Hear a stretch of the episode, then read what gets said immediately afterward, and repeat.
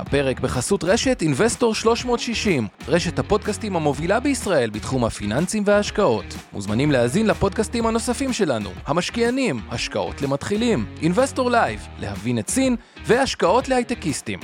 הופק ונערך על ידי שמע, פודקאסטים ויצירות סאונד.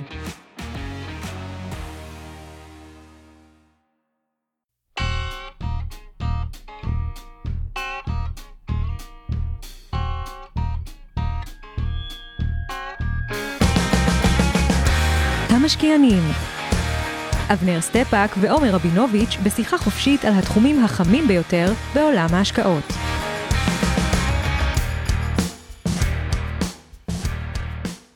ערב טוב לכולם, ערב טוב גם ליעל. ערב טוב. אה, שנמצא איתנו פה אחרי שנתיים כמעט שהיה אה, פרק אה, קודם, סמנכ"לית של פנסיה גמל השתלמות IRA במיטב, ובפעם שעברה שעשינו פרק על הנושא של IRA, זה היה אחד הפרקים הכי מאוזנים, אתה יודע כמה צפו בפרק הזה? נראה אחרי זה, אבל זה היה, זה, זה, זה מהפרקים שהיו עם הכי הרבה האזנות, ויש כמה חידושים, גם לגבי הסכומים שניתן להפקיד, וגם לגבי המתודולוגיה שלנו באינבסטור, איך אנחנו עובדים בזה. אז מה שנעשה בפודקאסט הזה, נחלק אותו לשלושה חלקים. החלק הראשון ניתן טיפה את האסטרטגיה של אינבסטור, איך אנחנו עובדים עם הנושא של IRA, שזה חלק מרכזי באסטרטגיה שלנו. החלק השני זה החלק של בוא נעבור על כל הטכניות פעם, משיכות, הפקדות, כמה מותר, באיזה מכשיר, מגבלות, מיסוי במשיכה, כל דבר טכני שקשור למוצר הזה, כי יש לא מעט, אה, ועד אה, מוטבים וכו', והחלק השלישי, כולם מדברים עכשיו AI, צ'אט DPT, דאטה, ניצול וכו', אז אמרנו יאללה בוא נעשה את זה כבר מגניב.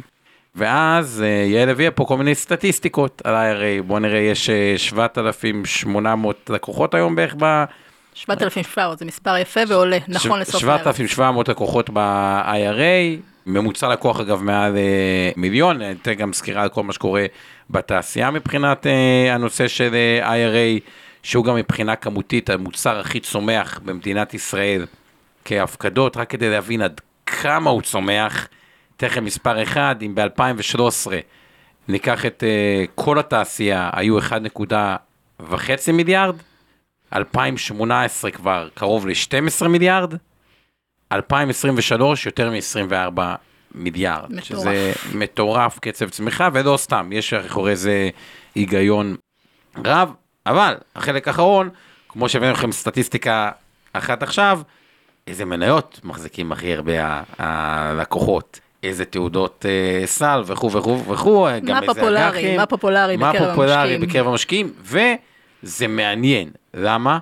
בדרך כלל משקיעי ה-IRA נחשבים למשקיעים היותר מתוחכמים שיש במדינת ישראל, בין אם זה מנהלי אה, תיקים שמתמחים בנישות מיוחדות, ובין אם זה סוחרים שפשוט מבינים את היתרונות והלכו ל-IRA, והם בדרך כלל שחקנים מאוד מאוד מתוחכמים, אז נראה מה אותם שחקנים מתוחכמים מחזיקים. אז זה מה שאנחנו צריכים להספיק אה, אה, היום. לפני שאני אתחיל ככה אסטרטגיה של אינבסטור, אולי יעל תני קצת אה, רקע על עצמך ככה שיכירו, ואז... אה, אח ליעל פרויליך, אימא לשניים, אה, בשוק כבר אה, 13 שנה.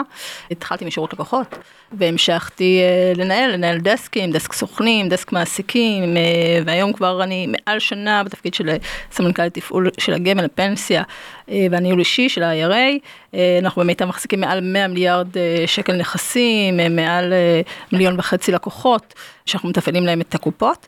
ואני ממש שמחה להיות פה. אז אה, שמחים אה, לארח, ובואו נתחיל ככה את האסטרטגיה. כשמדברים על IRA, אני אחלק את זה בגס לשתי קבוצות. IRA אגב זה לנהל את הגמל וההשתלמות בניהול אישי, שאפשר לבחור את הניירות אה, בעצמנו, אחרי זה ניגע במגבלות, והאמת שהן לא מרובות, אבל ניגע מה אפשר ומה אי אפשר.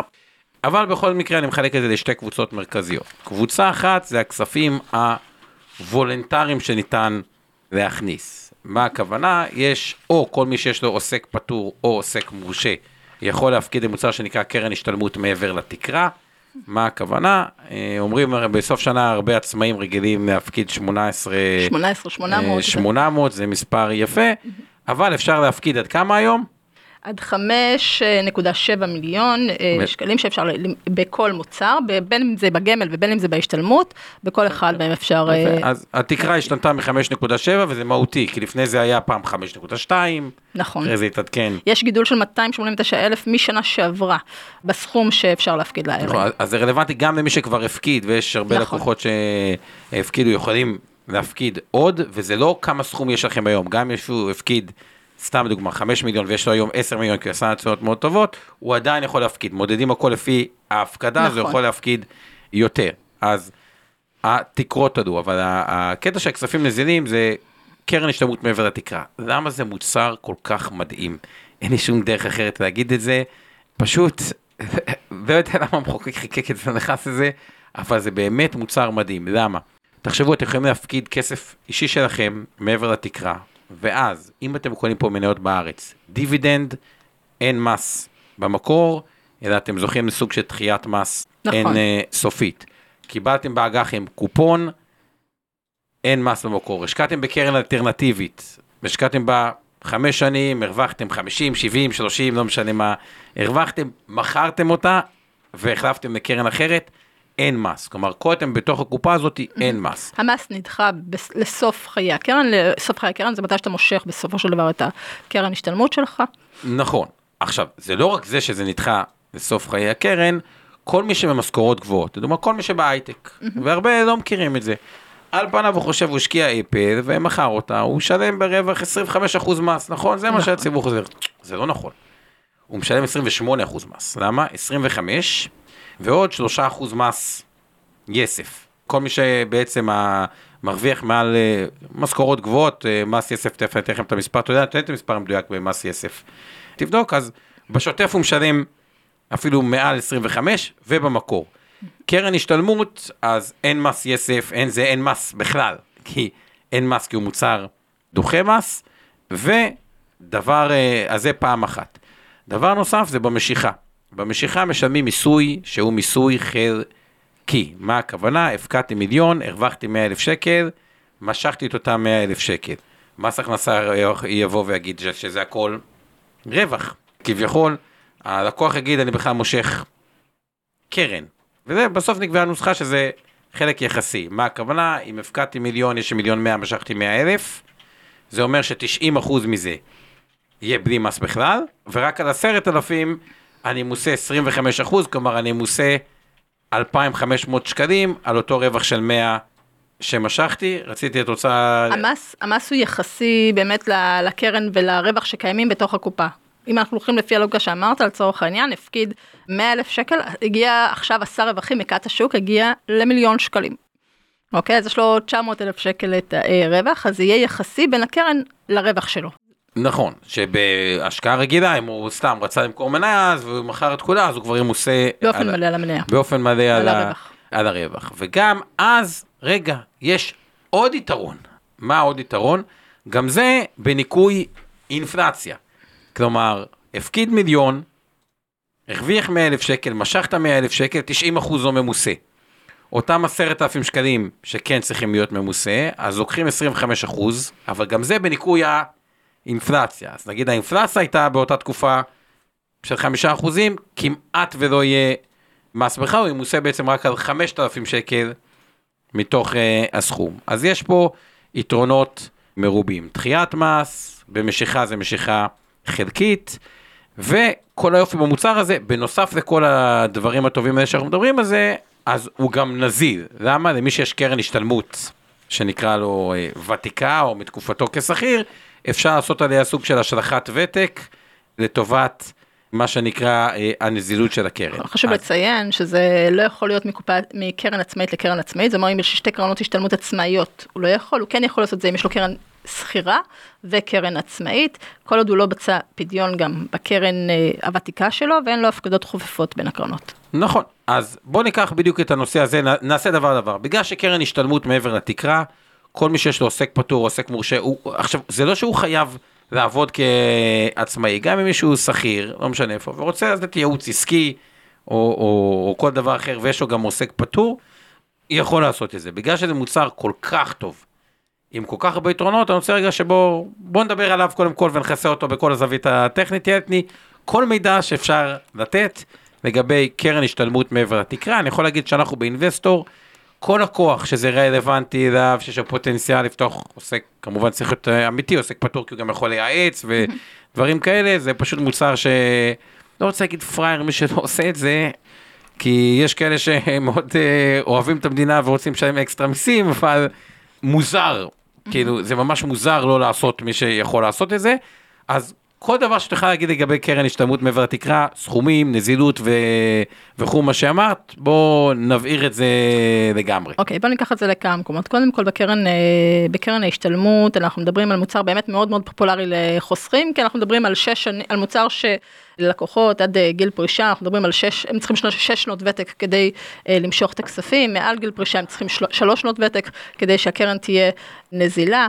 בקופות השכירות אנחנו מדברים על תקרת הפקדה חודשית של 1,571 אה, שקלים בחודש, זה בקרן השתלמות השכירה, ואגב, כל מי שמרוויח מעל 15,700 וקיימת לו קרן השתלמות, אז כנראה שגם המעסיק שלך מפקיד לך מעבר לתקרה, אפשר לשים לב לזה, אנחנו גם רואים לקוחות שלא רק את הקרן העצמאית, שגם את הקרן השכירה שלהם באים ומביאים אותה לתוך הניהול אישי, לוקחים אותה, מעבירים אותה ואיתה אה, מבצעים את המסחר, כי בסופו של דבר, דחיית מס על אה, לא מעט אה, כספים, אנחנו רואים לא מעט לקוחות, קרנות ותיקות שלהם שיושבות, כי זה לא הקרן, הקרן השתלמות זה הדבר האחרון שהלקוח ימשוך. נכון. האחרון שהלקוח ימשוך, ולכן אנחנו רואים שאנשים מצטבר להם, גם בקרנות השכירות, לא רק בעצמאיות, מצטבר להם שם לא מעט יתרות, והם בוחרים לבוא ולהעביר אותם בסופו של דבר אה, לניהול אישי, כדי ליהנות מעולמות המסחר. בסופו של דבר מי שסוחר, כמו שאמרת, למה לשלם את העמלות של הקנייה ומכירה? עמלות אה, מס אה, בקנייה, בקנייה ומכירה, ולכן הם מעדיפים להיכנס לתוך המוצרים האלה של הניהול אישי, זה מאוד מאוד פופולרי שם, אנחנו רואים את זה. בקרנות השתלמות אה, עצמאיות אנחנו מדברים על תקרת הפקדה שנתית של 18,800, מה זה אומר? שכל רווח שעשית על הכסף הזה, אבל זה הכסף הקטן יותר, הוא ללא מיסוי בכלל. כל מי שעצמאי ובא ומפקיד את הכספים וגם בשכיר מקבלים על זה הטבות מס, את ההטבות מס, הטבות זיכוי וניכוי במס. לכן כל רואי החשבון יתקשרו, הרואי חשבון הטובים יתקשרו למי שהם אה, מנהלים לו את החשבונות העצמאיים ויגידו לו בוא תפקיד 18,800 זה בדרך כלל סכום אה, זניח אה, אפילו יותר כדי לחסוך כי זה בסופו של דבר כמו שאמרתי מכשיר חיסכון מאוד מאוד פופולרי גם לטווח קצר. אוקיי בוא נראה מה, מה עוד יש לנו לגבי קרן השתלמות מעבר לתקרה אגב אם שואלים סתם בוא ניקח רגע צעד אחורה, למה אנחנו מבלבלים את המוח כל כך הרבה על אה, נקרא לזה מיסוי או אה, דחיית מס, אז רק תראו את המספר הבא. אם לקחתם מיליון שקל והשקעתם אותו בקרן השתלמות מעבר לתקרה ב-IRA, מיליון שקל חופשי שלכם, יש לכם עוסק פטור או עוסק אה, מורשה, ובואו נגיד אתם בני, לא יודע מה, 40 היום, וניקח את זה בכוונה לזמן ארוך כדי להראות את ה... פואנטה על פני 30 שנה, ומניות עושה בערך 8% בשנה, בתקווה שתעשו יותר, אבל זה בערך המדדים, אפילו 9% בשנה, בואו נהיה שמרנים, ניקח 8% בשנה. הסכום הזה של מיליון יהיה בדיוק פי 10 על הכסף, 10 מיליון. אם את אותו דבר הייתם עושים לא דרך ה-IRA, כלומר את אותה השקעה, את אותה מניות, אותו דבר, והיו מנקים לכם מס במקור, במקום 10 מיליון, ואחרי זה נראה איזה מס אה, ינקו לנו על ה-10 מיליון, היה לנו רק 5.7 מיליון. כלומר, יש פה חיסכון דרמטי ממס. אז בואו רק נסגור את הקרן השתלמות מעבר לתקרה, ואז נושא הנזילות, אני רוצה רגע שתסביר את הנושא של השטחת ותק. אבל קרן השתלמות מעבר לתקרה זה כל מי שהוא שכיר שגם יש לו עוסק פטור, סלש לאשתו יש עוסק פטור, או עוסק מורשה, או מישהי ששכירה ויש לו עוסק פטור, או מישהי ששכירה ובעלה, יש לו עוסק, למי שמקשיבה, יש לו עוסק מורשה, עוסק פטור, אפשר להפקיד עד 5.7 מיליון שקל בשנה לקרן ההשתלמות. בהנחה שכשכירים, עבדתם כשכירים אי פעם בעבר, לא כעצמאים אלא כשכירים, ויש לכם איזה קרן השתלמות, אני יש לי גם קרן השתלמות בעבר בשכיר, שהיא כבר נזילה, אפשר לעשות השלכת ותק. מה זה השלכת ותק? זה הופך בעצם את הקרן השתלמות ל... או את אותה קרן השתלמות עצמאית, הצעירה קוראים לה, לנזילה. מה זה אומר? כל ההטבות מס וכספים נזילים בעצם. במשיכה יש לנו נושא של משיכה חלקית במס מופחת, כביכול, מה זה מס, מה הכוונה שאני מתכוון? שמנו מיליון, הרווחנו 100 אלף שקל, כשמושכים את הרווח זה לא הכל רווח, מכירים חלק יחסי קרן, חלק יחסי רווח, וגם זה בניכוי האינפלציה, שזה מאוד דרמטי בעולם של אינפלציה גבוהה כמו היום, כי המכשירים האלה, אני יכול להגיד רק שבאינבסטור, אני גם ראיתי שהיו, זה ב-IRA זה מוגבל ל-5.7 מיליון, תאורטית בן אדם, במקום לקנות גם מי שיש עוסק מורשה עוסק פטור, לא קשור לעולם ה-IRA, אבל מי שיש עוסק מורשה עוסק פטור, יכול גם להפקיד לקרן השתלמות רגילה, מעבר לתקרה, מה הכוונה, במקום לקנות קרן נאמנות עכשיו של מיטב, ידין לפידות, אלטשולר, אנליסט, לא משנה מה, קרן, הממוצע נגיד הדמי ניהול במניות הוא מעל 1.5, יכול פשוט לקנות קרן השתלמות מעבר לתקרה של אותם גופים, ואיזה יתרון יפה אפשר לעבור בין גופים, אפשר לעבור בין מסלולים, דמי הניהול לרוב יהיו יותר זולים, אפשר לעשות IRA, אפשר לעבור מ-IRA לקרן השתלמות. אה, מסלולית. אה, מסלולית, אה, רגילה. ההלוואות הן יותר יקרות ועדיין זה הלוואות יותר זולות מאשר מקומות אחרים, מי שעובר לקופות מסלוליות. בגדול, מה שאני בא לסכם את זה ואז נעבור אולי למוצר הבא לתיקון 190 ב-IRA, קרן השתלמות מעבר לתקרה, זה אחד המוצרים הכי משתלמים מבחינה מיסויית שנוצרו פה ב- בישראל, וכואב הלב לא לעשות אותו, לתפיסתי. נעבור תיקון 190? יאללה. בוא תסבירי ככה תיקון 190. אה, סגור. לפני תיקון 190 רק ניתן שורה על הגמל שכיר ועצמאי, כי גם למי שיש לו כספים בקצבה, בגמל עצמו, הוא יכול להשקיע ב-IRA, אבל רק במוצרים מחכי מדד. כשאנחנו מדברים על תיקון 190, תיקון 190 מתאים לאנשים אה, מעל גיל 60, שיש להם או קצבה מעל 4,850 שקלים בחודש, או סכום בקרן פנסיה, ביטוח מנהלים או קופת גמל, במכשירים הספציפיים האלה, אה, מעל 1. 4 מיליון. למי שיש את זה, הוא יכול בעצם לפתוח קופה, הקופה, אה, קופת גמל, זו קופת גמל שהכספים בה, שהלקוח יכול לפדות אותם אה, במידה, ואמרתי, ויש לו את אחד משני הדברים האלה, במידה הוא מקבל אה, קצבה, לפחות שלושה חודשים, אז הכספים האלה זה כספים שנזילים לו תמיד, ושם המיסוי הוא נמוך יותר מהשוק, אם המיסוי בשוק היום הוא 25%, אז מס הרווח הון בתיקון 190 הוא 15%. התיקון 190 ספציפית מאוד מאוד פופולרית, אנחנו רואים אותו ב-IRA, מאוד פופולרי, בגלל, בייחוד אצל משקיעים שמשקיעים כשירים, אצל משקיעים שרוצים אה, לרכוש אה, קרנות, שרוצים אה, אה, לבוא ולקחת את, את רכישות התיקים האלטרנטיביים שלהם לתוך, אה, לתוך עולמות אה, מופחתי מיסוי, ושם אנחנו רואים את זה, באמת, זה מכשיר שהוא מכשיר מאוד מאוד פשוט, קופת גמל בסופו של דבר, שמגיל 60 בקבלת קצבה נזילה, ללקוחות אה, ומביאה להם מס נמוך, ווין אה, ווין לכולם. בוא נדבר רגע, מס נמוך זה 15 אחוז, עוד כמה... נומינלי. נק... אה, נומינלי, עוד כמה נקודות. אם חס וחלילה בן אדם נפטר לפני גיל 75, המוטבים מקבלים את זה באפס מס. נכון. אחרי גיל 75 זה 15 אחוז. גם פה מדובר במשיכה, זה משיכה חלקית, כלומר היה לנו מיליון, הפך כמו הדוגמה הקודמת, בוא נעשה מיליון שהפך לשניים, שזה יותר קל. משכנו את המיליון שקל רווח, לא נשלם 15 אחוז, נשלם 7.5 אחוז, למה? על 500 אלף שקל זה כאילו משיכה של קרן, על 500 אלף שקל זה רווח, ורק על זה יהיה המיסוי. נקודה אחת רק שאני רוצה מבחינת השימוש אה, שלנו, יעל בת ואמרת מעל גיל 60, אה, כביכול הרבה באמת נוטים לחשוב שהמכשיר הזה הוא מתאים למעל גיל 60. אני יכול להגיד לכם שאנחנו באינבסטור עשינו למגוון גילאים גם הרבה יותר אה, צעיר. גם בן אדם בן 50, ואתם יודעים מה, אני אקצין את זה, בין 40. ואני גם אקצין את זה, כי נראה לי גם בין 30. אבל תכף אני אדבר למי זה מתאים בגילים האלה. בן אדם בן 40, שמבין שיש רובד שהוא לא יצרוך בשוטף, כלומר הוא לא יגיע לתחנת דלק ויגיד אין לי כסף למלא דלק, או אין לי כסף לקנות לחם אה, אחיד, טיפה מקצין את זה, אלא שיש איזה כסף שהוא רזרבה. אם הוא משקיע בתיקון 190, או שהוא יכול למשוך את זה ב-15% מס, או שהוא יכול לקחת את זה כקצבה מוכרת. המילה מוכרת היא מלשון, נפשט את זה, כקצבה פטורה ממס לחלוטין.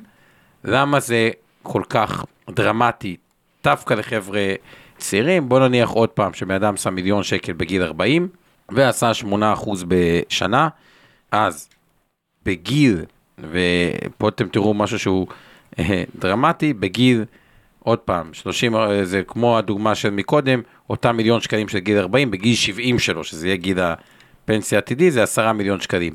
תיאורטית, הוא צריך לשלם על זה המון המון כסף מס. אם הוא ייקח את זה כקצבה, זה קצבה פטורה לכל החיים, וזה דרך מאוד מאוד מאוד טובה לתפיסתי, כל מי שצבר סכום או מירושה או מאקזיט, או מכירת אה, RSU לכל מי שבהייטק, ואומר, רגע, אני בעצם רוצה להבטיח את התזרים העתידי שלי, ויתרתי על קצת נזילות, נכון, אבל מראש עושים את זה בהחלטה מודעת, ואני אחלץ את הכסף הזה באפס מס באמת כפרישה. למה זה כזה קריטי מהבחינה הזאתי? כי מדינת ישראל נותנת הטבות פנסיוניות מטורפות בהפקדות לפנסיה, אבל הפנסיה, והרבה לא יודעים את זה, כמו שקיבלתם הטבות, שזה נקרא זיכוי, גם אתכם בעוד דבר. כשאתם לוקחים פנסיה, אתם מזוכים במס שולי. והרבה חבר'ה, בדגש על בעלי משכורות גבוהות, וזה מאוד מאוד מאוד חשוב, כל מי שבמשכורת גבוהה ומופיע לו ב... כשהוא עושה מסלקה פנסיונית עם הסוכן שלו, המנהל הסדר, ואומרים לו, אתה תקבל פנסיה 24, 30, 27, 22, 18, זה פנסיה ברוטו, זה לא פנסיה נטו. ואני רוצה לעשות לכם רגע בחזרה לעתיד. הרבה מאוד אנשים שאני יושב איתם, בכל הגילאי 60-70 ובאים לקחת פנסיה, הם לא באמת רוצים, לוקחים את הפנסיה, כי פנסיה בהורשה, כל המרכיב הזה, ב, אם אתם מורישים את זה לבת הזוג או לילדים, זה באפס מס. ואם אתם לוקחים את הפנסיה כפנסיה, אתם משלמים מס שולי. רוב האנשים בגילאים האלה, שהם נכנסו למדרגות מס שולי, אפילו מעל 14 אחוז, אומרים, למה שאני אתן למדינה את הכסף שלי? אלא הם מעדיפים להעביר את הכסף לדור הבא או לבת זוג כהורשה בפטור ממס. אבל אז הם, אם אני כבר יודע את זה היום, כי אני אומר לכם, עשיתי כל כך הרבה, עשינו פה באינבסטור, לכם כל כך הרבה תיקי לקוחות, ואנחנו רואים פעם אחרי פעם, אנשים לא לוקחים פנסיה במס שולי גבוה. זה לא משנה מה מקדם קצבה, זה לא משנה כלום, לא רוצים לחלוק מס הכנסה של 31 אחוז, אה, יותר מזה עם המדינה.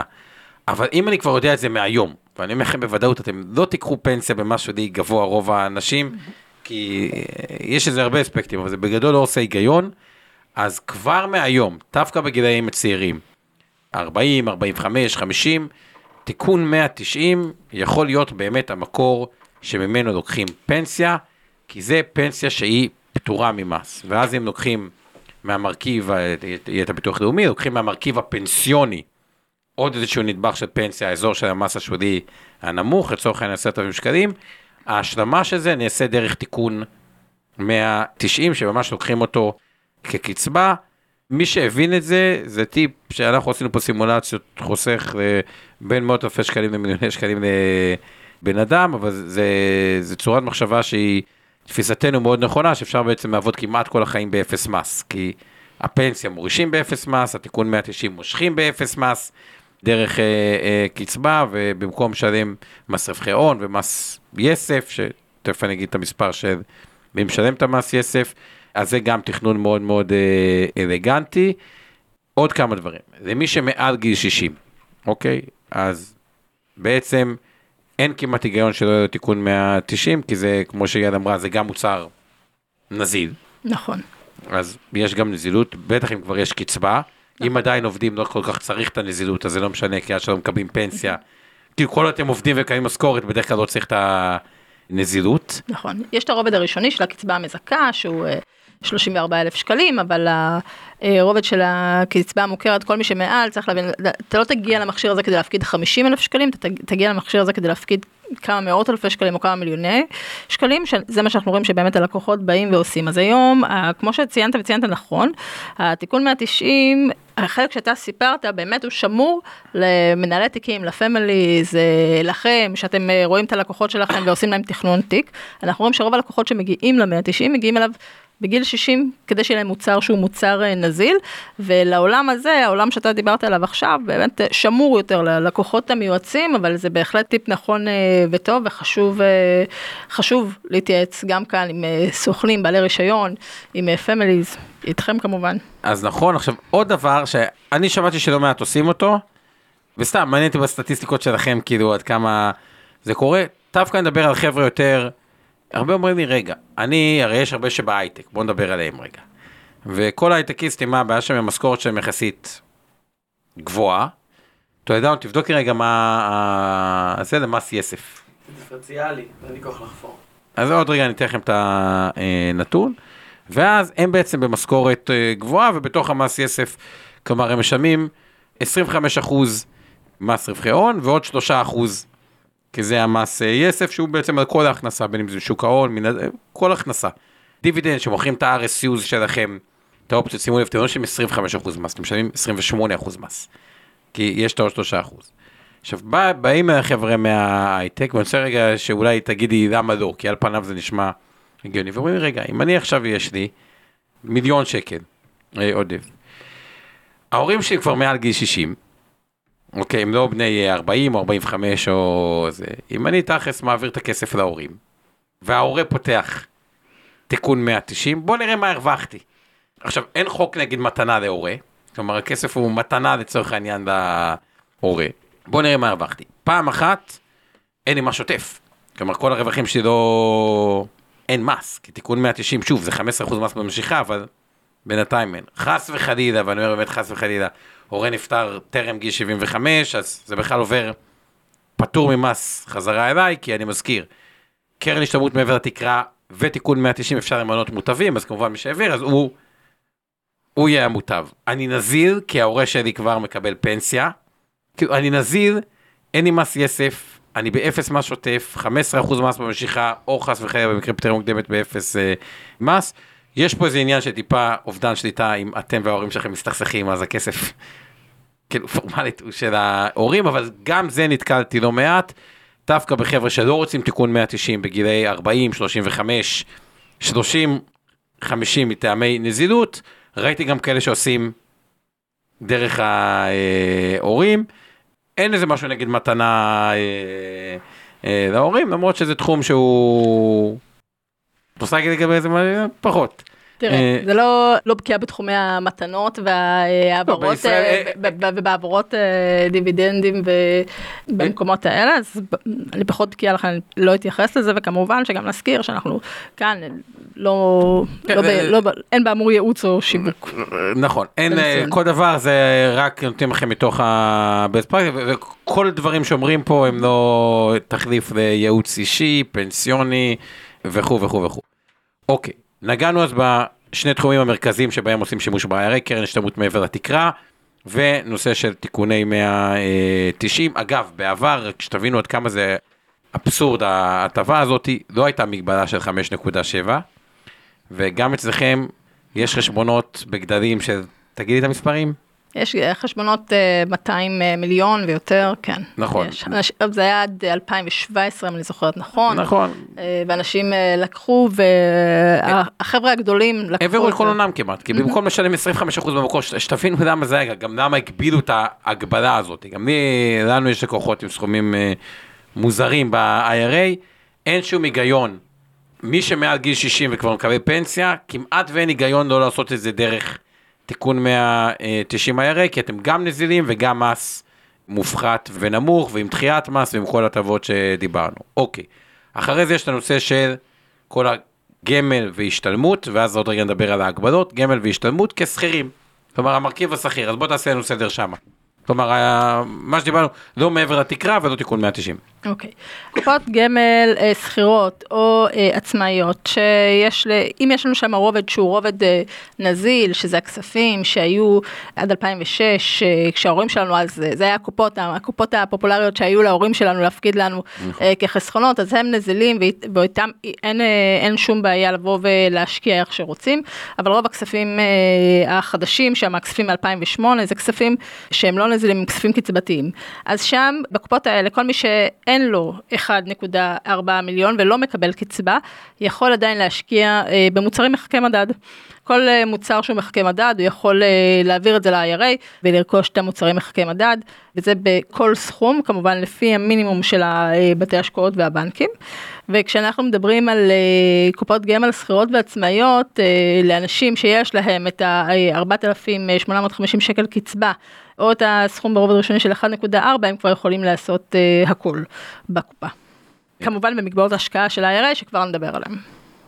רק לגבי השאלה לגבי המס יסף, אז נעשה את ה... נבעיר את הנושא הזה. אז קודם כל, המגבלה של מס אה, יסף, נכון לשנת 2023, זה מי שהכנסתו החייבת, לא הנטו שלו. סך ההכנסות, כולל שכירות, כולל הכל, זה מעל 700 אלף אה, שקלים, סכום מאוד גבוה, אבל תיקחו בחשבון, זה לא רק על המשכורת, זה על המשכורת ברוטו, פלוס כל ההכנסות. ואז בעצם יוצא שהוא משלם מס מוגבר, על מה חל בעצם ה...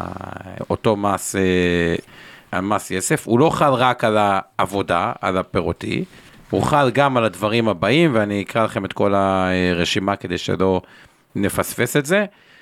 גם על הנושא של רווח הון, כמובן, כלומר, מכרתי מניה זה 28, כולל RSUs, למי שיש אופציות, 28, דיבידנד, משלמים גם לא 25-28, אם אתם בעלי שליטה, אתם לא תשלמו 30, אתם תשלמו 33 אחוזים, אם אתם משכירים דירה, אתם לא תשלמו 10, אתם תשלמו 13, מס שבח, אתם לא תשלמו 25, אתם תשלמו 28, כולל לפעמים שכירויות אה, מחו"ל וכו' וכו' וכו' וכו'.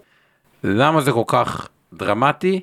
כי כשאתם בתוך ה-IRA, בין אם תיקון 190, בין אם קרן השתלמות מעבר לתקרה, וקיבלתם דיבידנד, אין פה מס בכלל, אין פה הכנסה. כי כאילו כל עוד זה בתוך ה-IRA זה קופסה שחורה. או לא שחורה, כי דווקא ה-IRA קופסה דווקא נקייה, אתם רואים אה, את הכל, אבל זה קופסה. כלומר, אין את המס אה, יסף, ואז אפשר לתכנן את זה, כי הייטקיסט, אה, או זה, הוא לא בטוח שיקבל משכורת עד גיל 67, ואז אם הוא מושך חלק מהכסף בגיל 60, או אה, בתקופה שבו הוא סתם בטיול מסביב לעולם, או סתם בין עבודות, אז פתאום הוא, הוא גם הרוויח את הדחיית מס, הוא גם הרוויח את הרווח של או 15% אם זה תיקון 190, או 25% בניכוי אינפלציה, שזה דרמטי היום, באינפלציה של היום. כי באינפלציה של אה, 4% בשנה, ונגיד התשואה הממוצעת היא 8% אמורה להיות על אה, מניות כדוגמה, זה פתאום מס של 12.5%. וההבדל בין 12.5% לפעמים 28% הוא, הוא, הוא דרמטי, מה גם יש. את הדחייה. בואו נראה מה עוד מבחינת אה, מוטבים או דברים נוספים, לפני שנעבור לסטטיסטיקות מגניבות. אה, נדבר על מגבלות השקעה קצת, כי לא, הרבה דברים אפשר לעשות בתוך ה-IRA, אבל בואו בוא נבין מה אי אפשר לעשות בתוך ה-IRA. אז אה, קודם כל אנחנו יכולים להשקיע אה, בניירות ערך שכירים, פקדונות, מוצרים מובנים, מטבעות חוץ, אה, יחידות בקרן חוץ, אה, רק בישראל ובמדינות חוץ מאושרות, אי אפשר בכל מקום או בכל אה, נייר אה, שרוצים. אה, השקעות של כל השקעה שאנחנו רוצים לקנות מניה, היא לא יכולה לעלות על 10% משווי התיק, זה אומר אם לקוח עכשיו רוצה לשים את כל הכסף שלו על אה, מניית טסלה, הוא לא יכול לעשות את זה, הוא צריך אה, שהתיק שלו יהיה מבוזר, כי זה עדיין מוצר שהוא מוצר פנסיוני, וצריך להגן לו על הכספים. שזה מגבלה אגב שהיא לא רעה שיש על הלקוח נכון, לדעתי. נכון, כי- זה ביזור של מכריחה תיק. לעשות... אה, זה בעיקר כדי להגיע על התיק, לדעתי זה, לזה התכוון המשורר, שבמקרה הזה הוא המחוקק. כשאנחנו מדברים על אה, אופציות, אז זה לא יותר מחמישה אחוזים אה, מהתיק, אה, אנחנו רואים שלקוחות לא הולכים לשם, כי באמת חמישה אחוז, חמישה אחוז מהשווי המשוערך של התיק, וגם אנחנו מדברים על פיוטרים במקומות האלה, גם הם עד עשרה אחוזים מהשווי המשוערך של התיק. כשאנחנו מדברים על בעלי שליטה, בעלי שליטה לא, לא יכולים להחזיק יותר מחמישה אחוזים מהקרן או מהנייר, מה, בהם, בהם בעלי שליטה הם לא יכולים להחזיק יותר מחמישה אחוזים בתוך התיק של ה-IRA, ואלה הדברים אה, המרכזיים, וכשאנחנו מדברים על קרנות השקעה, על קרנות גידור, שם יש לנו אה, עולם אה, אישורים אחר, וזה אנחנו עושים את זה ברמת קרן, נספר שהיום מיטב מחזיקה במעל 270 קרנות שהיא בקופת ה-IRA שמאושרות, שמאושרות אצלה, אז איך בעצם הופכים קרן לא מאושרת, צריכה להיות קרן סחירה. היא צריכה להביא לנו, הקרן עוברת אצלנו תהליך boarding, שבה היא מביאה לנו חוות דעת שהיא במדיניות חוץ מאושרת, בדיוק מה שאמרנו כאן על התיק הכללי, נכון גם לתוך הקרן השקעה.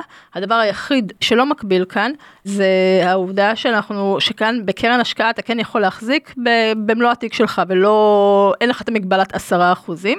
אה, אנחנו נבקש גם שיהיה שם יותר, אה, יותר משני משקיעים בתוך הקרן ושהקרן תכריז שהרווחים שלה מחולקים. אז זה ברמת ה... ברמת כן, אז אין הגבלות, אגב תעודות סל גם אין הגבלה, אפשר לקנות בכל הכסף, מחכים, נכון, מחכים, נכון, כל נכון. הכסף רוצים ב-IRA לקנות S&P או מדד או זה, נכון. אין עם זה שום אה, בעיה. נכון, שוב על הלוגיקה של רוצים להגן על הכסף ו-S&P זה מספיק אה, מבוזר אה, כדי להגן על, על הכסף, זה לא מגיע ושם את ה- כל ההון שלו על מניה אחת או על חברה אחת. אוקיי, נעבור קצת ל- נראה לי אה, סטטיסטיקות או שעוד רגע נקודות שלדעתך הן חשובות שפספסנו. דברים ש... בואו נראה מה יש לנו כאן עוד, הלקוחות אה, כשרים, רלוונטי לדבר על כשירויות, אנחנו מדברים על לקוחות כשרים שנכנסים בקרנות... אה, מול האמת שווה. כבר להזכיר את החידושים של הכשירים כי גם שם היו קצת עדכונים לגבי מי הוא לקוח כשיר מבחינת הסכומים. נכון, אז אה, לקוחות כשרים, כשאנחנו מדברים על קרנות גידור, אז רק לקוחות כשרים יכולים להיכנס לשם, כאשר מי שבודק את הכשירות שלהם זה הקרן עצמה, והיא מביאה לנו את הלקוחות הכשירים שלה. הכשירות ישראלית היום היא 8.3 מיליון שקלים, וכשירות אמריקאית היא מעל, אה, היא מיליון דולר, אה, זה או זה או מבחני הכנסה. זה בעולמות הלקוחות הכשרים, אלה לקוחות שיכולים להיכנס אל תוך עולמות אה, הקרנות. אה, אנחנו גם אה, במיטב, יש לנו את הקרנות שלנו, אם אנחנו מדברים על רייגו, על אה, אמרלד אה, 4 שכבר תיפתח, ועל רייגו שעוד פתוחה למשקיעים, ועוד קרנות כמו ליקווידיטי, שגם הם קרנות שמאושרות בתוך העולמות של ניהול אישי. אז באמת קרנות זרות כולם עושים זה בקרנות גידור עוד יותר כי קרנות גידור מנקות 25% מס במקור. אז זה עולם מאוד פופולרי אגב דיברנו הרבה על סכומים גבוהים אבל זה נכון גם לגבי עצמאי שיש לו 100 אלף שקל שכאילו או 200 כאילו גם זה מאוד רלוונטי קרן השתלמות מעבר לתקרה. בואו נדבר קצת על סטטיסטיקות אבל לפני זה אתם יודעים קצת אה, שאלות כי יש פה הרבה שאלות. אופיר לוי, את החידוד על המס יסף, כמובן המס יסף זה רק על החלק שמעל היסף, לצורך העניין אם מס יסף הוא מעל 700 אלף שקלים, כל רווח שהוא מעל ה-700 אלף שקלים במס יסף, אבל הרעיון הוא מי שיש לו משכורת גבוהה, אז כל הכסף מההשקעות הוא בדרך כלל מעבר לזה. שאלה ממש טובה, מה קורה שקניתי מניה שהיא 10% מהתיק, ואחרי כמה שנים, לצערי, עלתה והפכה ל-50% מהתיק, אין לזה שום בעיה. נכון. זה נקרא פסיב, הפסיבה או נכון, זה זה, נכון. זה ביום הקנייה זה היה צריך להיות פחות מ-10%. אם קנית לשמחתך מניה שעשתה פי 10 על הכסף, אתה עדיין יכול להישאר עם ה-30-40 אה, אחוז, שאלה מצוינת. שאלה לצוות של אינבסטור, האם בקופה לפי תיקון 190 IRA ניתן לרכוש מוצרים אלטרנטיביים כמו שהצגתם עם אה, עידו אה, בירמן מהפניק, ד- דליפ כן, זה מה שהיא אמרה, רק כל הקרנות, בכלל יש היום את IBI, הפניקס, מיטב, נכון. שאתם די הגופים, כאילו אפשר להגיד שמיטב, IBI ופניקס זה הגופים הכי הרבה מכשירים אלטרנטיביים גם בסכומים, אה, אפשר לקנות את כל המכשירים הפופולריים. כל אה, עוד הם מאושרים. כל עוד הם אה, מאושרים, ובדרך כלל הגופים הגדולים זה יהיה מאושר. יש אפשרות למנהל תיקים ב-IRA, מניות אמריקאיות, מס ירושה. בואי תגידי את, זה תמיד, אה, אוקיי, כשאומרים אמריקאים כולם, נכון, קודם כל, לא סתם, לא סתם כשאומרים אמריקאים, רגע אחד כולם אה, לוקחים אה, צעד אחורה, אז מה שאני כן יכולה להגיד זה שמה שאתה מדבר עליו כרגע, השאלה מתייחסת למס עיזבון. בארה"ב קיים מס עיזבון של 30 אחוז ריאלי על השקעות שנעשות בניירות אמריקאים, זה מס, אה, מס כואב מאוד אה, לחברינו האמריקאים, ובתוך הקופה של ה-IRA קיימת בידינו חוות דעת היום שאומרת שכל עוד הלקוח מבצע את המסחר בניירות ערך אמריקאים באמצעות צד ג', הווה אומר באמצעות מנהל תיקים, במקרה הזה לא ייגבה מהחשבון מס עיזבון, כשאני אומרת צד ג' זה מנהל תיקים, זה מיופה כוח, זה קרן גידור, אז במקרה הזה לא ייגבה מהחשבון מס עיזבון, זה נכון להיום. חשוב לה, לומר, הדברים האלה זה דברים שיכולים uh, להשתנות יחד עם uh, uh, הרשויות האמריקאיות, הן uh, יודעות לבוא ולשנות חוקים, אבל נכון להיום זה המצב, ואני כן אציין שעד היום לא נתקלנו בתשלום מס עיזבון במקרה של פטירה, ואנחנו רואים uh, לקוחות, כמו שאתם מבינים, יש לקוחות, מגוון לקוחות, וגם לקוחות שנפטרו וגם uh, החזיקו, אנחנו לא ראינו גבייה של מס עיזבון. מס עיזבון בסוף כל, כל גוף יתיישב לפי מה שהאמריקאים עושים. נכון. מבין להחזיק בבנק אמריקאי, שוויץ... הטענה אומרת שהסבירות שיקחו מס עיזבון ב-IRA היא הנמוכה ביותר מבין כל האלטרנטיביות. גדעון, אם אתה יכול לחדד טיפה הנושא של השאלה לגבי המס יסף, אני אשמח, או על ההערה ששאלת.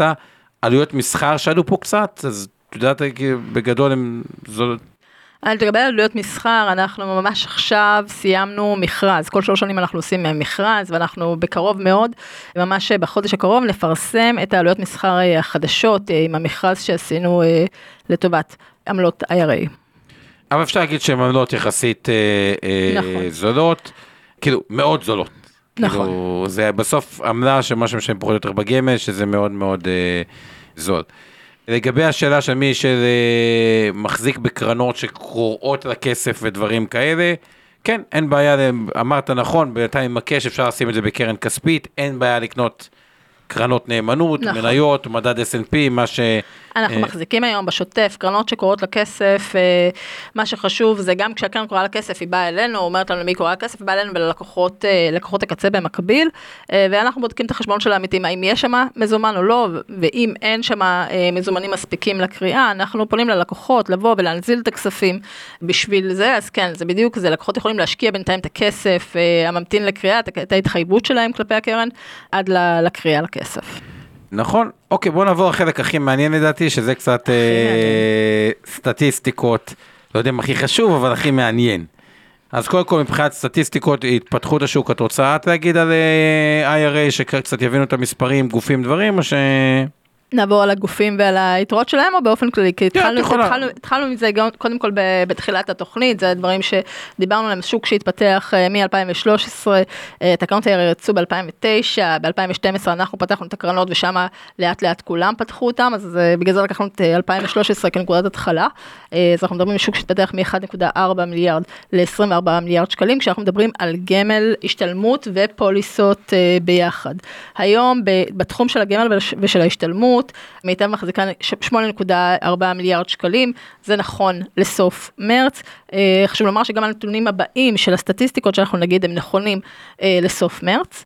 וזה בגמל ובהשתלמות, אנחנו מחזיקים היום אה, מעל אה, 54 אחוז אה, מהשוק אה, בגמל ובהשתלמות, כשיש את הפניקס, שלפניקס יש שני מוצרים והם אה, חריגים בשוק, יש להם גמל והשתלמות, ששם יש להם קרוב ל-2 מיליארד שקלים, ואת הפוליסה הפיננסית שזה 9.4 מיליארד שקלים, ויש לנו את אה, היום את סלייס, IRA ישראל, אה, שהם אה, מחזיקים, אה, מחזיקים כמה תיקים, את התיק שהם קנו מפסגות שהיום עולה 861 אה, מיליון שקלים ו-1.7 מיליארד שקלים ב-IRA ישראל. יש לנו גם את גלובל נט שרכשו את התיק אה, שהיה בזמנו של IBI שעבר את הלמן ואת הפניקס והיום, אה, היום נכון לסוף מרץ, אה, 1.5 מיליארד. קיצר, אם לוקחים את השוק הזה, תחת 80 אחוז מיטב אה, הפניקס. אם ניקח את הנושא של המניה הכי פופולרית, אה, עשר המניות הכי פופולריות ב... בתיק, ואחרי זה נעשה את אותו דבר, וזה לא אותו מספר, לפי השווי ולפי פופולריות. כלומר, יש לפי מספר לקוחות ולפי השווי החזקה. אז בואו נדבר על ה top 10 המניות הכי פופולריות שנמצאות היום ב-IRA, מניות אמריקאיות. אז uh, בתחום המניות ובכל המספרים שאנחנו נגיד עכשיו, בסופו של דבר, מי שמצליח, מי שמצליח להכות את השוק, זה מי שיודע לא, יודע לקחת את הנתונים וגם יודע בסוף לפרש אותם נכון, אז יש כאן נתונים מאוד מאוד מעניינים. אז אם אנחנו לוקחים את העשר המניות הכי פופולריות בקרב הלקוחות, אנחנו לפי כמות הלקוחות שרכשו, אז uh, מי שלוקחת את המקום הראשון uh, היא מטא. פייסבוק. מטה לא מטה, כן, לפחות ב-IRA של מיטב, מטה לא מטה. נכון, אבל אנחנו נראה רגע אחד, אנחנו נראה אותה במקום קצת שונה אחרי זה, ב- לפי השווי נכסים. אה, כאן אנחנו מדברים על פופולריות לפי כמה לקוחות רכשו אותה. נכון. אז יש הרבה לקוחות, אנחנו מזכירים, יש, את, אה, יש לנו את הלקוחות אה, הכשרים, דיברתי על הלקוחות היותר מתוחכמים, ויש לקוחות סוחרים שבאו להכות, אה, לנסות להכות את השוק, אז אה, מטא מככבת שמה. אה, יש לנו את אה, עליבאבא. שגם מניה פופולרית, אה, פופולרית בשוק והיא תופסת ככה את המקום השני, אה, יש לנו את אה, אמזון מיד אחריה, זה השלושת הגדולות, מטא, עליבאבא ואמזון, את טסלה, את מייקרו, אחרי זה, זה טסלה, מייקרוסופט, אפל, גוגל, אנווידיה, אלפאבית ופייפל, כלומר, מה שאנחנו רואים כבר הטיה מאוד מעניינת, זה הלקוחות, לפחות ב-IRA, ההטייה היא לטכנולוגיה. אגב, יש בזה גם איזשהו היגיון מיסויי, כי טכנולוגיה הוא הכי תנודתי ונותן את התשואה הכי גבוהה, ואיפה שאתה רוצה את התשואה הכי גבוהה בדרך כלל, אתה רוצה שזה יהיה במיסוי הכי נמוך. שהמיסוי הכי נמוך זה בתוך uh, uh, IRA. אבל, ופה המהפך, כשאנחנו מסתכלים לפי השווי, במקום הראשון, הפתעה, טה טה טה טה טה טה טה טה טה, זאתי חברה שאבנר מאוד אוהב אותה, טסלה.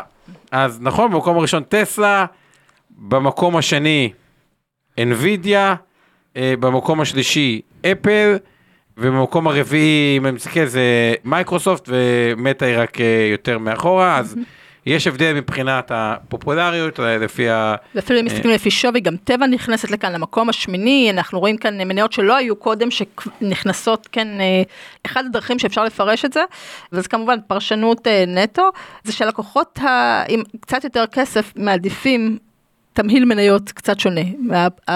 לפי כמות הלקוחות זה יותר הפופוליסטי, לפי השווי זה אולי יותר מחושב, אבל זה רק ספקולציה. זה, לא- רק לא... ספקולציה, ורואים פה הטעיה ברורה לטכנולוגיה. אגב, עוד נקודה שהיא סתם מעניינת ל-IRA, אם כבר הזכרנו את המניות הטכנולוגיות. למה ה-IRA הוא מושלם, ולמה ה-IRA הוא טוב, הוא עדיין עם יתרונות, אבל פחות קצת מושלם. IRA הוא מושלם למניות ישראליות, ואג"ח ישראלי, כי שם בכלל אין ניכוי מס במקור. כל העולם של קרנות זרות על סוגיו וגווניו, ולמניות שמחלקות יחסית דיבידנד נמוך. למה? כי ספציפית מניות שמחלקות דיבידנד נמוך, דיבידנד גבוה, בדיבידנד אמריקאים כבר מנקים את המס, אנקל סם דואג לעצמו, ואז כביכול שנמשוך את ה-IRA, יהיה פה עוד איזשהו מיסוי. חברות טכנולוגיה הן דווקא חברות שאין בהן הרבה דיבידנד, אבל תנודתיות מאוד מאוד גבוהה, אז אני מסתכל על זה, הן מאוד מאוד מתאימות ל-IRA, כי תחשבו, מניה טכנולוגיה עשתה גל של 100%, אם אתם מוכרים אותה בחוץ, הופה, 25% שפוגש את המס יסף כרווח גדול, אז הרבה פעמים 28, וכשזה בתוך ה-IRA בעצם אין מס בכלל. האמריקאים עשו את זה בגדול עם כל ה... עם המיסים אצלהם, אבל יש לנו גם את המיסים של המניות האנגליות, שאני מחבבת רק בגלל שזה מס, זה מס שהשתנה ממס מלכה למס מלך, שגם הם מיסים שנכנסים כאן, שהשתנה לאחרונה עם ההכתרה. האמת... זה מס של אחוז. אה, של אחוז אחד שמנקים, שמנקים במקור. לטובת הכתר. אז לטובת הכתר. טוב, בוא נעבור לתעודות אה, סל קצת מה יותר פופולרי, מה פחות אה, פופולרי. אז התעודה הפופולרית ביותר היא הפלא ופלא, לא כזו הפתעה. S&P. S&P 500 אה, היא הפופולרית ביותר, אחרי זה יש את אה, MSCI, שזה מדד עולמי על הנושא של emerging market, ואחרי זה יש את ה-MSCI, מה שנקרא ACWI, שזה All Country World Index, מדד עולמי, אז עדיין ההטיה יותר ל-S&P Pure, אבל גם יש הרבה חשיפה גם ל-Emerging, גם ל-All Country World uh, Wide, ואז עוד, uh, ואחרי זה מתחילים להיכנס פה לנושא של MSI אירופה, וחשיפה ל-QQQ, שזה מפתיע, כלומר, את הטכנולוגיה, מה שאנחנו רואים, הטיה מאוד מאוד חזקה לטכנולוגיה במניות הבודדות, אבל כשזה מגיע לתעודות סל, זה יותר ל-S&P ועל emerging market ועל כל העולם, ודווקא לא מחזקים גם בתעודת הטכנולוגית, אלא יותר לוקחים את זה בבודדת. בואו נעבור על האג"חים. אז בואו נסתכל על כמה, אה, על רשימת האג"חים הפופולריים אה, ביותר, ותחום של אג"ח ב-IRA, אני חושב שמי שעושה אג"ח בעצמו ב-IRA זה כבר ממש מקצוענים, או מנהלי תיקים שמתמחים בזה, או לקוחות שמתמחים בזה, אז בואו נדבר על ה top 5 שם. אז יש לנו את דזרסי אג"ח ג' ודרך אגב אנחנו רואים פה שינויים מאוד מאוד מאוד גדולים בין לקוחות, ש... בין כמות לקוחות שמחזיקה לבין שווי. אנחנו ניתן ספוילר שלפי כמות לקוחות, אה, מה שנשאר ב... לפי השווי, זה רק אה, קרן אחת מתוכן, מתוך הקרנות שנמצאות. אה, בתוך אג"חים. נכון, באג"חים עצמם. אז יש פה את דזרסי, בי קומיוניקיישן אג"ח ו', דלסר, נכסים ובניין, פסיפיק, אג"ח ב', תמר פטרוליום, אבל לפי השווי, זה רשימה קצת שונה. שונה לגמרי, נשאר כאן רק אחד. כן, מי שמככבת בישראליות, בחו"ל נראה לי פחות רוב האנשים מעניין, זה גזית גלוב, שעוד פעם, דווקא גזית גלוב היא דוגמה, יש פה כמה אג"חים של גזית גלוב, אבל היא דוגמה ללמה IRA הוא כל כך מוצר שהוא חכם, ועוד רגע ניתן אזהרת הסיכון. כמובן שכל דבר פה הוא לצורך מידע בלבד, ולא מהווה תחליפי ייעוץ אישי.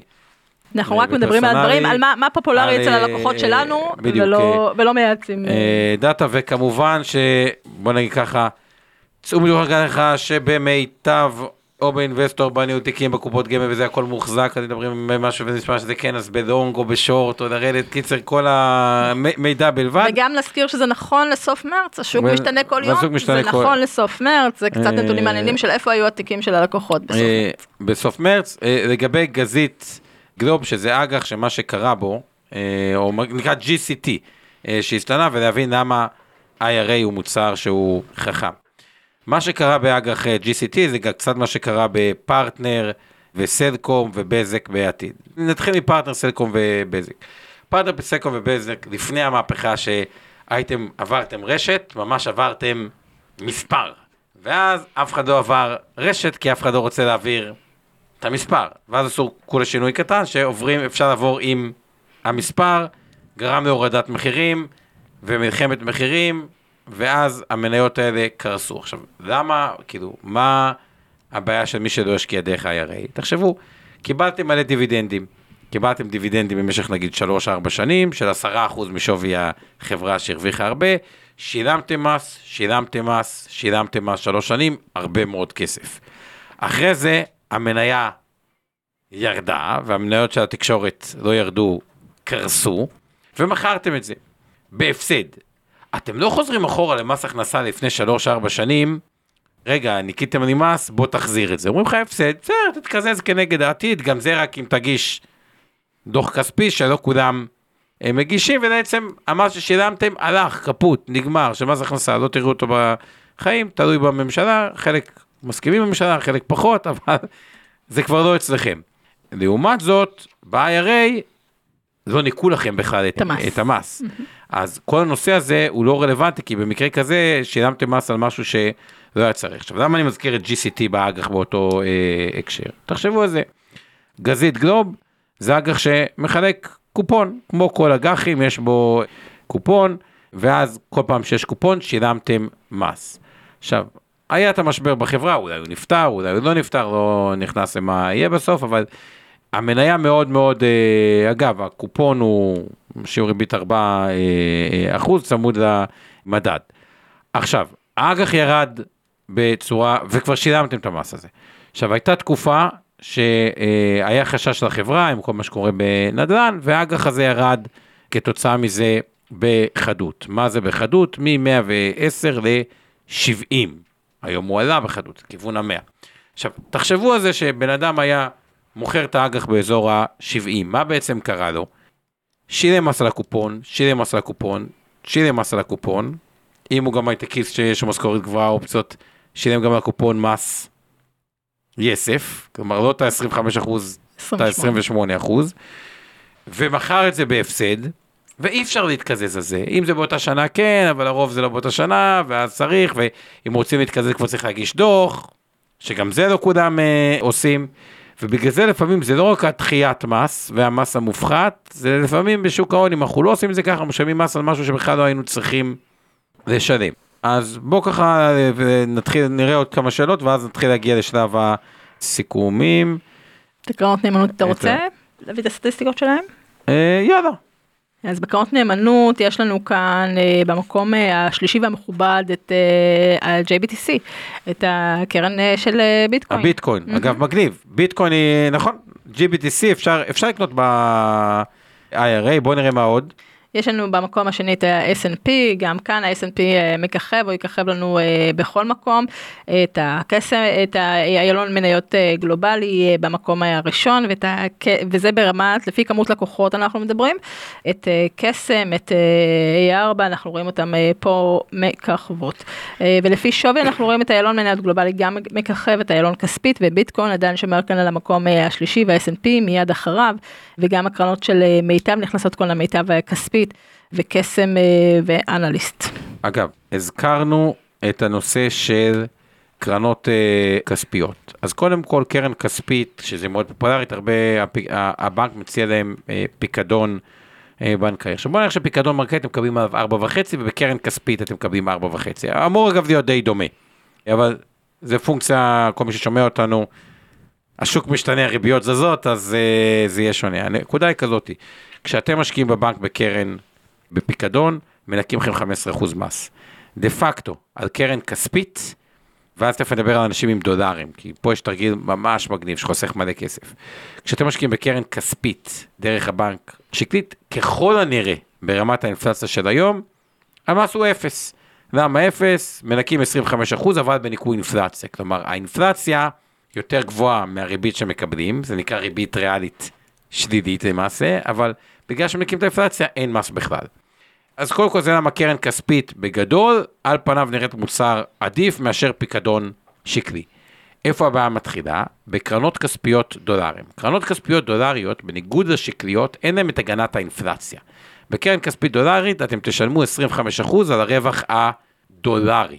גם פה יש כמה סוגי קרנות, אבל בגדול אתם תשלמו, אין את ההגנת אינפלציה. יש שני סוגי קרנות כספיות, אני לא אכנס לזה בתחום של הדולר, אבל אין את הגנת אינפלציה. אם אתם קונים קרן כספית דולרית דרך ה-IRA, אז פתאום המשטר מס שלכם הוא או 15% מס, קודם כל יש דחיית מס, אבל גם אם הייתם פודים את זה 15% מס, אם זה תיקון 190, אם זה קרן השתלמות מעבר לתקרה, מה שאמרנו בהתחלה, בקרן השתלמות מעבר לתקרה, קודם כל עוד פעם אין מס, אבל גם אם הייתם פודים את הכל, זה 25% מס בניכוי אינפלציה. זה אומר שפתאום עברתם מפיקדון דולרי, שאתם משלמים 25% מס על הרווחים או על הרווח הדולרי, לניכוי אינפלציה. עכשיו, בשנה שיש אינפלציה 6%, נגיד הקרן כספית הדולרית עשתה 6%, אין מס בכל מקרה בשוטף אם אתם מוכרים, אבל גם אם לא הייתם פודים את הקרן השתלמות, גם לא היה מס, כי האינפלציה מכסה את זה. אז כלומר, להשקיע ב-IRA, לפעמים גם אפילו סוג של פיקדון דולרי, אם עושים אותו בצורה חכמה דרך הקרן אה, השתלמות מעבר לתקרה, זה יכול להיות מס אה, מופחת, כנ"ל לגבי תיקון אה, 190. עוד סטטיסטיקות לפני שנעבור לסיכומים ועוד כמה שאלות? בוא נשאל אותך, כי זה נתון שלא רשום לך. מה הלקוחות, גם בכמות לקוחות וגם בשווי, איזה מוצר יש להם הכי הרבה בתיק? בבנקים זה עו"ש פשוט, אז... אה, זה לא בעו"ש, אני מדברת ב-IRA, ב-IRA מה יש להם? מה המוצר אה, שמחזיקים הכי הרבה שהוא לא שקלים. כאילו מבחינת דולרים, כאילו מה זה... יש קרנות, כאילו באיזה קבוצה? כאילו קרנות זרות? בכל, זה... חוצה, חוצה 아, קבוצות. אה, חוצה הכל, כאילו, חוצה. האם זה מניות, קרנות זרות, קרנות, כאילו זה הכוונה? נכון, או אחר. נתת לך רמז, נתתי לך שתי רמזים. וואה, שאלה, אה, התקלת אותי, בואי, על פניו זה או מניות או קרנות, זה כאילו ההימור לא, שלי, לא קרנות לא אה. זרות, זהב, שאינו, שאינו שקלים. שאינו שקלים. מה אחרי זהב? מה אחרי זהב? יש זהב, כאילו במטבעות, יש דולר. יפה, הדולר. הדולר זה המוצר שחוצה לקוחות וחוצה שווי, המוצר המוחזק ביותר ב-IRA. בעיה, כי, טוב, כי הרבה מניות דולריות, אז מוכרים דולרים, אז יש את... אבל זה כשהם מוכרים, אני מדברת ממש בדולרים בחשבון, לא במשהו שמושקע בדולרים, אלא בדולרים מזומן. מזומן, אוקיי, יפה, כתבו פה גם אה, זהב. בואו נראה מה עוד אה, שאלות ככה חשובות, ואז להתחיל לשלב המינימום. במיטב, שאלו על מיטב, מה המינימום לצורך ה-IRA, למרות שזה גם משתנה מתקופה לתקופה. נכון, היום אנחנו uh, מתפעלים בחמישה פלטפורמות, יש לנו את הבנקים שלכל בנק יש לו את המינימום שלו, uh, אצלנו במיטב טרייד המינימום הוא 100 אלף שקלים, בבנק uh, פועלים המינימום הוא 300 אלף שקלים, בבנק לאומי 500 אלף שקלים, בבינלאומי מיליון שקלים, כל בנק. אבל אם רוצים במיטב טרייד, נכון. שזה מיטב, אז זה מ-100 אלף שקלים, ואז זה לפי בנק, רגע, אוקיי, סיימת את... אמרת בינלאומי זה אחרון מיליון שקלים, אבל כיסית את ה... ויש לנו גם את מזרחי, שמזרחי אה, עם 300 אלף שקלים. לגבי יוחאי, מיטרייב טרייד זה גמל או השתלמות, שניהם לדעתי. נכון. כאילו, אין אה, הבדל, גם שכיר, גם עצמאי, כאילו... נכון. כל הפלטפורמות, הם שואלים פר חשבון מסחר או בסך הכל, פר, חש... פר חשבון פר מסחר. פר חשבון מסחר, שאלה טובה. להשקיע בהשקעה אלטרנטיבית ב-IRA פסח שואל האם ניתן באמצעות uh, חיצוניות שאני בוחר או שאני מוגבל להשקעות אלטרנטיביות מסוימות ומאושרות, יש לכם אמרתם 270 מאושרות, נכון. שזה מרבית, אבל אתה מוזמן לשאול פרטנית אם אתה משקיע חשבון? בקרן, אתה בדרך כלל מגיע גם דרך הקרן, הקרן יודעת אה, מול מי היא מאושרת לא. ומכירה. שאלה טובה של דנית שאני רוצה רגע לחדד שאילתה פה. אה, דנית ברשותך אני קורא את השאלה. באיזה מקרים כדאי להשאיר את קרן ההשתלמות בניהול של בית ההשקעות ולא להעביר אותה ל-IRA, מלבד היתרון שאפשר לקבל הלוואה על חשבון הקרן השתלמות, ההשתלמות מנוהלת, אז עוד פעם רגע, אני רוצה לחדד אה, דנית. אין מובהקות, בחלק של השכיר, אין מובהקות ל-IRA, כלומר אם יש לך קרן השתלמות כשכירה, יש היגיון בין אם זה השתלמות ובין אם זה אה, גמל, שזה יהיה גם מנוהל על ידי אה, גוף, סך הכל המוסדים הישראלים באים בהרבה ביקורת, הם בתוצאות לפחות עולמית, הם ברבעון הטוב ביותר של מנהלי השקעות בעולם, על פי דוח של OECD. איפה כן יש מובהקות? את כבר מנהלת כסף בבנק, אוקיי? או בטרייד, או במיטב. טרייד אקסלנט וכו'. ויש לך עוסק מורשה, שם את יכולה להעביר את זה קרן השתלמות מעבר לתקרה. את עונה על הקריטריונים לתיקון 190, בין אם מבחינת גודל סכומים או בין אם מבחינת גיל, שם יש היגיון רב. ה-IRA הוא מובהק בעיקר בעולמות הכסף הנזיל, שמדברים על הכסף שהוא, הפרישו אותו לנו, שכירים מה שנקרא מנדטורי, שם יש פחות אה, מובהקות. אוקיי, אני כן, אני כן אתן לזה דגש אה, קטן לדנית, אה, ה-IRA מיועד למי, למי שעושה מסחר, מי שעושה את זה ביום יום שלו, מי שמנהל את ההשקעות שלו ביום יום, ואז הוא נותן לו בעצם פלטפורמה שבה המיסוי, יש לו מיסוי מועדף, או דחיית מיסוי במידה זה, וזה מעל התקרה, או אפילו ללא מיסוי, במידה והוא מעביר נכס אה, שהוא עד התקרה, שכל ההפקדות שם הם עד התקרה. אבל אם אנחנו מדברים על לקוחות, וראינו גם כאלה שש, שלא סוחרים בכלל ולא מנהלים את ההשקעות שלהם, ולא בדיוק יודעים מה ואיך לעשות, אז זה כבר עדיף לתת למקצוענים לעשות את העבודה. כן, לא, אבל אני אומר, כפלטפורמה, גם פה אני לגמרי מסכים, ואז ניתן את השימושים שלנו ב-IRA, את הסיכום אחרי שכיסינו את כל הדברים. גם מי שרוצה לקנות S&P, במקום לקנות אותו דרך הבנק, אגב, אם הוא מבוגר, גם יש לו סיכון למס עיזבון ודברים בסגנון הזה, למרות שאפשר לקנות גם תעודה ישראלית. אם הוא קונה אותו דרך ה-IRA, השאיר אותו שלוש שנים, לא נגע בכלום, מכר אותו, לא יהיה לו מס. אם הוא עשה את זה דרך הבנק, יהיה לו מס. כלומר שזה הבדל אה, דרמטי, הוא לאו דווקא חייב להיות מסחר אה, ער וכו', אני מדבר רגע על הכסף הנזיל. אז בואו אני אתן לכם רגע את הסיכום שלנו, איך אנחנו עובדים עם הנושא של IRA ב- אה, באינבסטור. הצ'קליסט הוא כזה, קודם כל, אתם שתי בני זוג. אם אחד, לגבי הכסף כשכירים, או כסף שהפריש לכם במהלך העבודה, לא מובהק. אפשר להתווכח האם יותר נכון IRA, ופה אני מאוד מתחבר למה שיעל אמרה. אם מישהו מבין, רוצה, רוצה לסחור, או רוצה או לחסוך... כבר סוחר, רק לא או רק סוחר. בחשבון פרטי. בחשבון פרטי, יש בזה איזשהו היגיון, אבל המובהקות היא, היא פחות, כי סך הכל אני חושב שהמוסדיים הישראלים עושים עבודה טובה, ושוב, אני אומר את זה לא מתחושה, יש דוח של ה-OECD, איך הפנסיה הישראלית יחסית לפנסיות באירופה, ואנחנו בין המקומות הראשונים, לדעתי אה, מקום שלישי, אם אני זוכר אה, נכון. אבל קשה לפרגן לעצמנו, אז תמיד אה, ביקורתיים, אבל זה, זה, זה המספר. לגבי כספים נזילים, אנחנו עושים את הצ'קליסט הבא.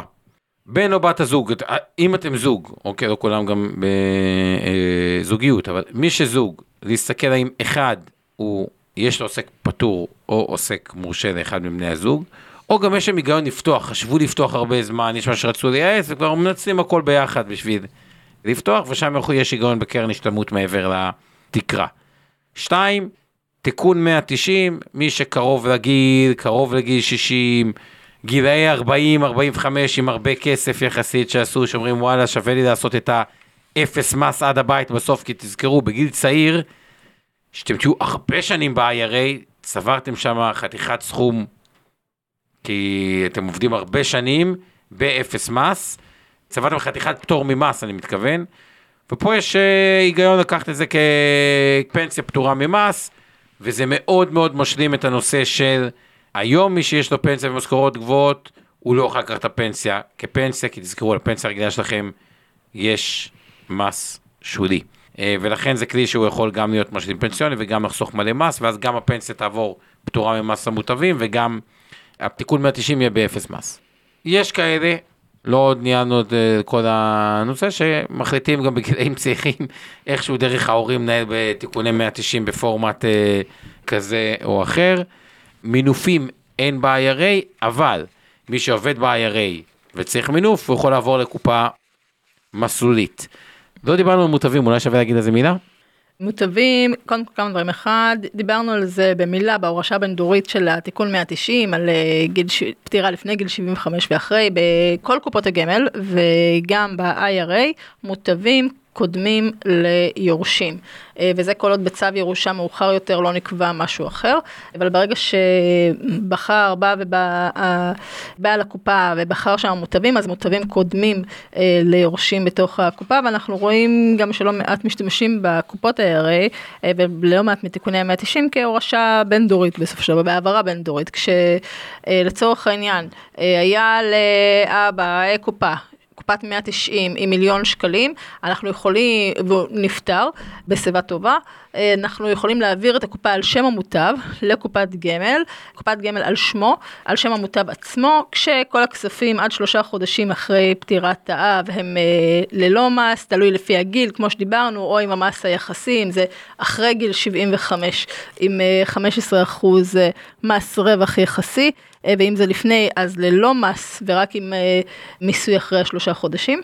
צריך להגיד את זה, זה לא כמו בניגוד לנושא, ופה אני לא יכול להפציר בכם, אבל ממש, אנחנו מאוד מקפידים על זה בנפס, אני אגיד, למנות מוטבים.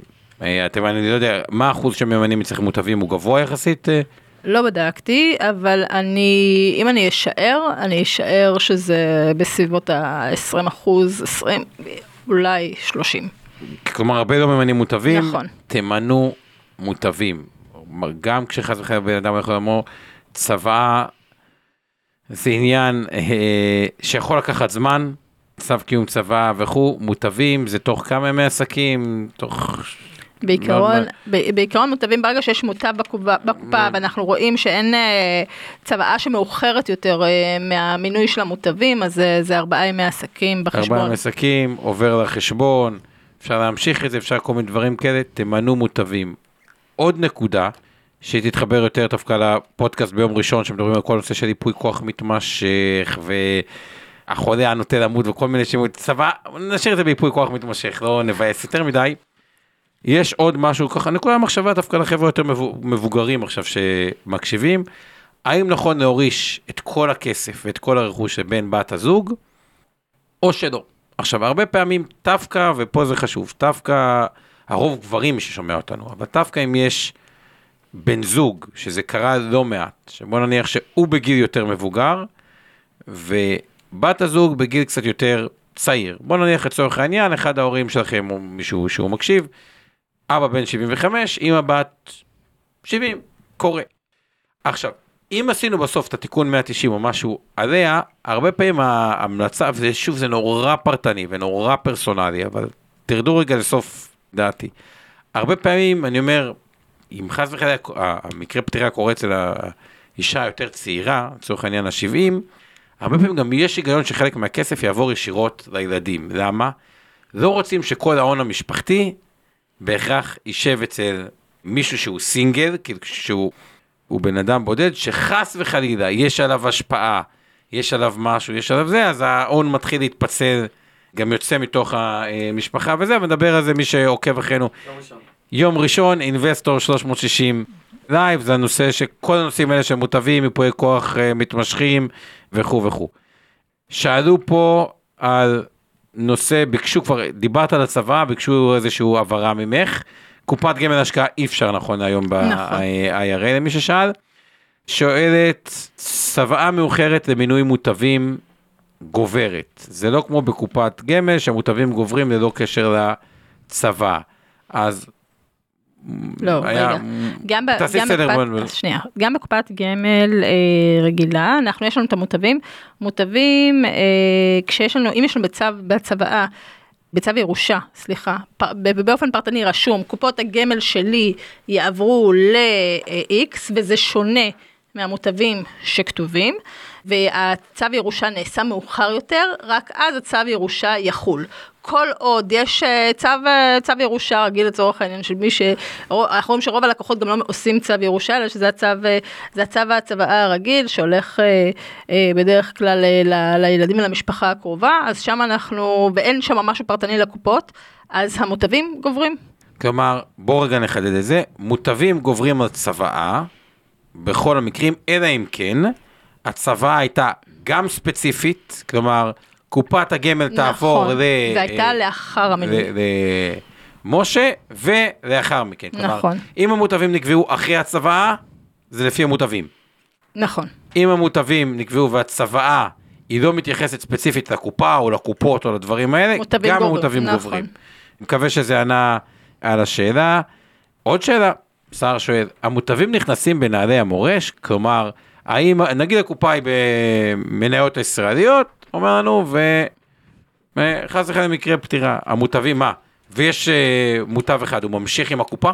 עם המניות, או שצריך להנזיל את המניות? אז, כאילו, אז מה- זה מה מתחלק, קורה? אז זה מתחלק לשני סוגי הקופה. בקופת גמל, כמו שאמרתי קודם, היורש יכול להיכנס בנעלי, כשמה זה להיכנס בנעלי? אני יכולה להס, לפתוח קופה ליורש בקופת גמל ולהעביר את הקופה 190 as is עם כל הניירות, האג"חים, הקרנות, על שמו. אוקיי? אני כן אדייק את רגע, זה. ואם לשלושה מוטבים אז מפצים את זה לשלוש? נכון.